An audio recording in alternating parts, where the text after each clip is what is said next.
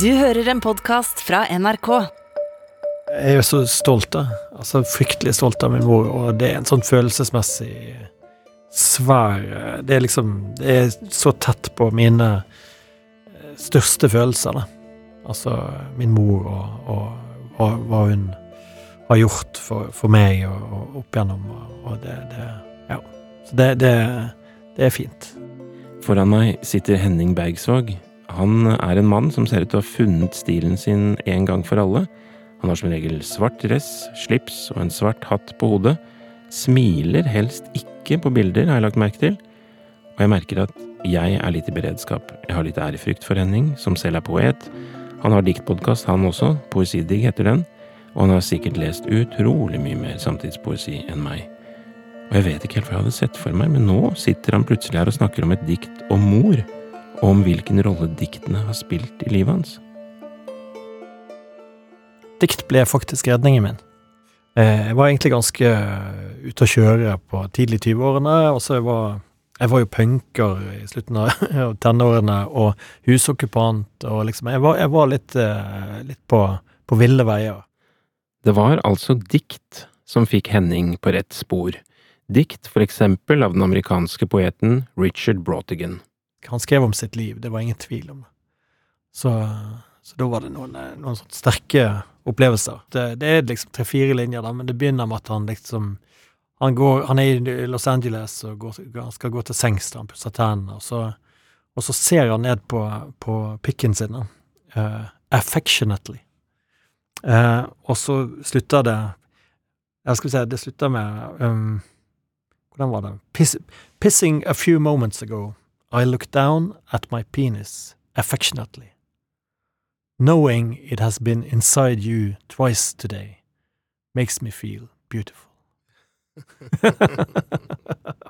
Og det er jo uendelig vakkert.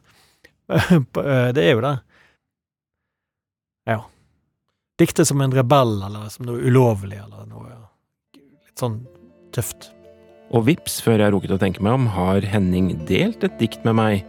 Noe som er helt i den gata jeg hadde sett for meg. Litt rebelsk, morsomt og kanskje litt utfordrende.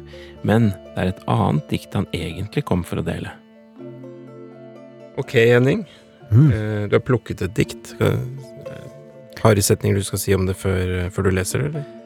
Nei, jeg kan bare si at det er helt splitta nytt. Jeg har kommet i en, eh, en diktsamling som kom ut i, i mars 2022. Så det er helt nytt. Hvorfor har du valgt det, sånn kort? Nei, det er sjelden at jeg blir eh, liksom slått ut litt av, av dikt, enkeltdikter. Men, eh, men det, det, var, det er en, fra en veldig sterk samling, men, eh, men jeg syns det det, er, det skal bli gøy å snakke om, da. For jeg forstår det ikke helt, og, og jeg liker ting jeg ikke forstår. Det er egentlig mitt kvalitetskriterium. Skal jeg lese det? Gjerne. Ja. Um, det er diktet er av Rune Kristiansen fra boken Jeg går i sorg. Musikk igjen. De vårlige vekstene i vinduskarmen, de høstlige vekstene i fremtiden, og dagen vender slik mor vender seg vekk fra seg selv. Men hva er helt stille i verden? Ingenting er helt stille i verden. Hør, eplene gir fra seg små knepp i morgensolen. Et ekorn rister av seg pollenstøv, og en tusjpenn tørker under en barneseng.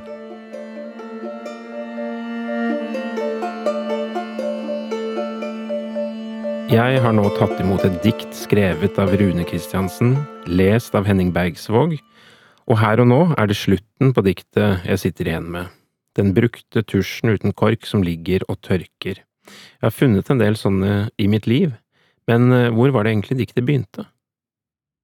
Det begynner med denne moren, da. Dagen vender, venner, dagen venner, slik mor vender seg, vekk fra seg selv. Og det er jo Og det vil jo, det vil jo kanskje hjelpe å vite at, at dette er en mor i, i sterk demens, da.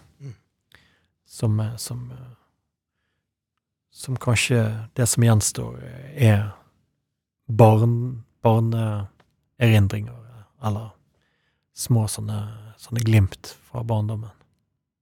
Men så kommer jo den refleksjonen, men hva er ikke sant? Det, det, er stille, det er jo stille der, sikkert. Ja. Men hva er helt stille i verden? Egentlig ingenting.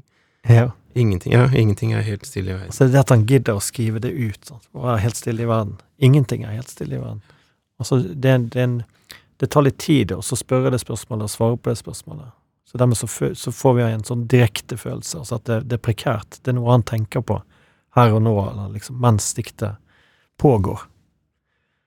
Tenker jeg, da. Ja, for så kommer jo verdens tre beste eksempler, på en måte. Altså, det er, det er en, en litt sånn hverdagslig refleksjon som hvem som helst av oss kan gjøre. Ja, ja, ja. Men eplene som gir fra seg små knepp, og ekornet som rister av seg pollenstøv, og tusjpenn som tørker under barneseng. Det er en enorm sensibilitet i å se de eh, små tingene, høre de tingene. sant? Hver av de imponerer egentlig, da. Eh, altså eplet med de kneppene, det, det har jeg aldri hørt, på en måte, så det kan ikke helt Men, men hvis jeg liksom Jeg kan høre det inni meg likevel. Da.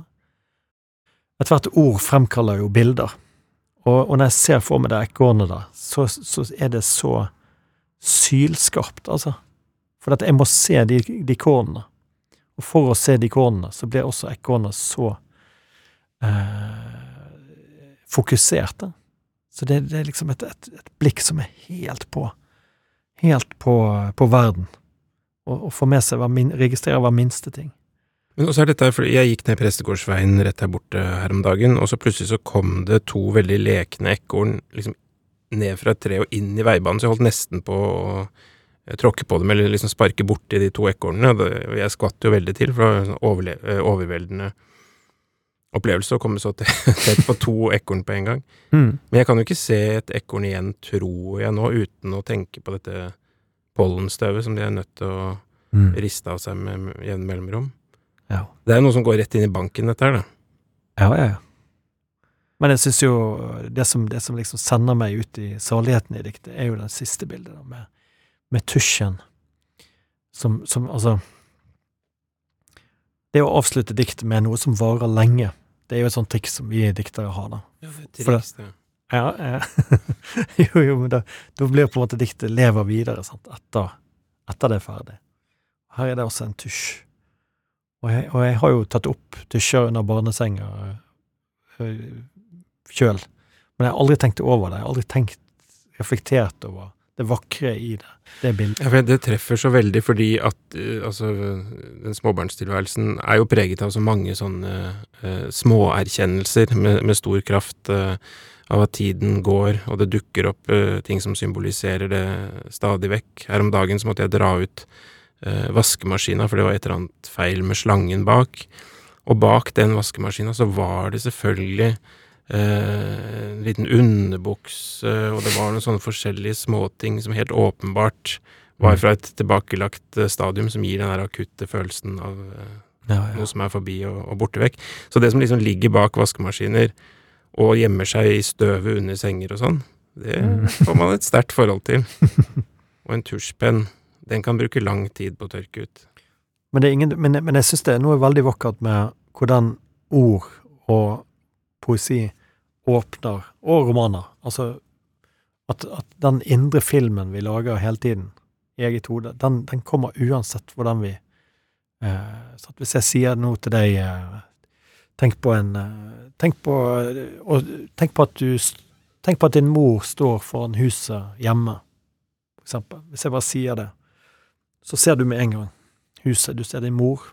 Du ser kanskje hvilket vær det er. Du ser altså Du ser av, hvor, hvor lang avstand er det til moren. Hva, hva, hva har hun på seg? Altså, altså Etter hvert som jeg sier disse tingene, så vil du mest sannsynlig bare fylle ut det bildet eh, jevnt. da. Og den billedskapende evnen vi har da, den er jo helt vidunderlig. Men filmen går lever sitt eget eh, liv. Hva slags film er det du spiller av da, når du leser dette diktet her? Hva er det du ser for deg?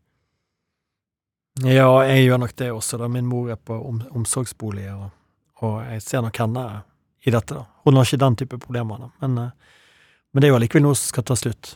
Hun er 87 år gammel, sant. Det, det er unektelig noe som Så litt av den følelsesmessige ballasten eh, blir jo her Altså, ja, beklager, det Litt av grunnen til at jeg responderer direkte og følelsesmessig på det, er jo det. Selvfølgelig. Altså, det er jo det, det gjenkjennelsesnivået, da. Men det er, jo, det er jo der Alle har en mor, på en måte, da. Så, så, så det, det, er klart at eh, alle skal miste sin mor. Så det er jo universelt. Men, men det blir jo spesifikt når vi, når vi, leser, da. Det blir det. Så, så da ser jeg eh, det rommet og den, den boligen og, og de, de, plantene i vinduet. Hvor langt har vi egentlig beveget oss bort fra diktet når vi snakker om eh, blomstene i vinduskarmen? Ikke langt i det hele tatt, vi er fortsatt i diktet, vil jeg si. Og vi er fortsatt i diktets umiddelbare nærhet når Henning sier noe om rollen hans egen mor har spilt i hans liv. Nei, det er jo en Jeg er så stolt av. Altså fryktelig stolt av min mor, og det er en sånn følelsesmessig svær Det er liksom Det er så tett på mine eh, største følelser, da. Altså min mor og, og hva, hva, hun har gjort for, for meg og, og opp igjennom, og, det, det, Ja. så det, det, det er fint. Så nei, det syns jeg er fint, da. Um, men nå er jo hun Nå er hun, nå er jo hun Sitter hun og ser på TV, da, og leser bøker og sånn. Så, men hun kan jeg gi alt, alt, mulig slags Jeg kan gi henne William Faulkner, liksom, og hun leser det. For hun har en sånn regel at hun må lese alt hun får. Så jeg kan virkelig sette henne på, på, på harde prøver der. Men, men ja, Nei, hun, har hun sitter og leser mye, da. Det er fint å snakke med henne om, om bøker. Så det gjør jeg. Vi var fem sønner, liksom. Altså, det er jo eh, harde tak, da, i litt sånn arbeiderklasse.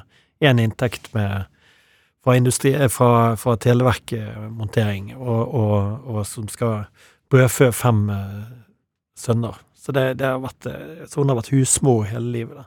Så det at hun liksom ofret sitt liv på en måte til, til, å bare stå hjemme og lage mat og vaske klær og og, og den type ute på landet der i et, eh, i et bitte lite hus, det, det, er jo fantastisk.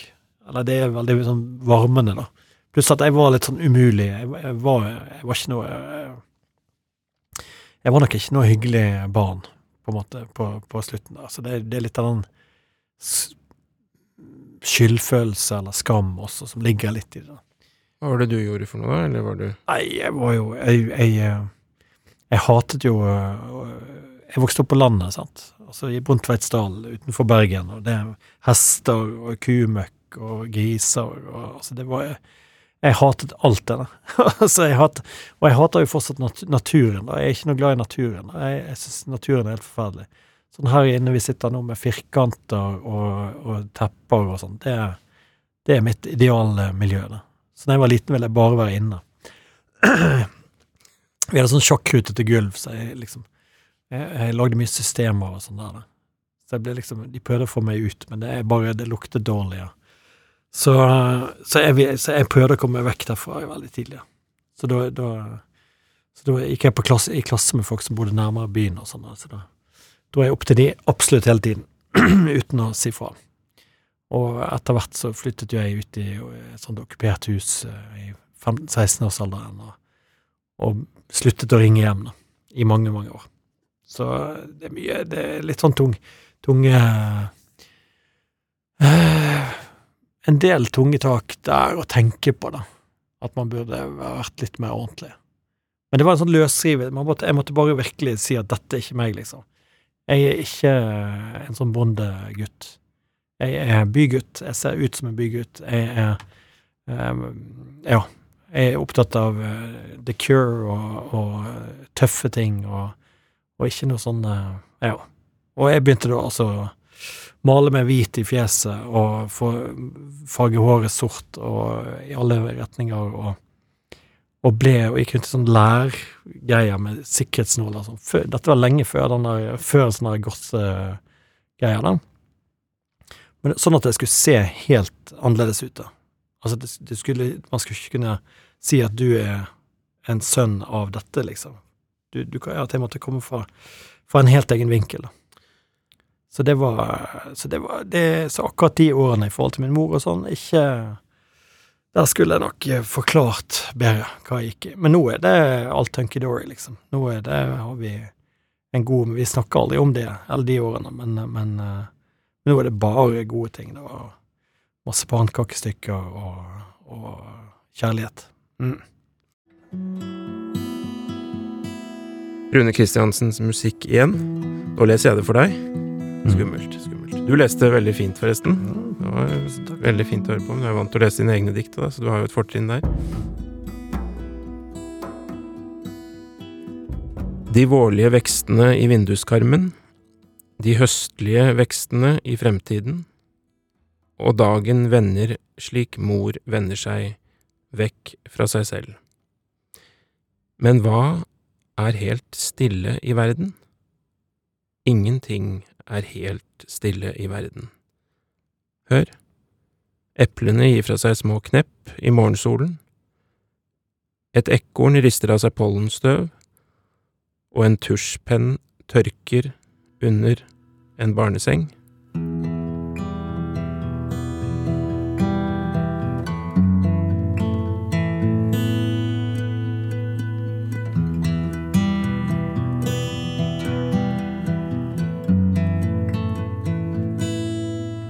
Denne podkasten er laget av meg, Hans Olav Brenner, Kristine Lossius Torin og Janne Kjellberg.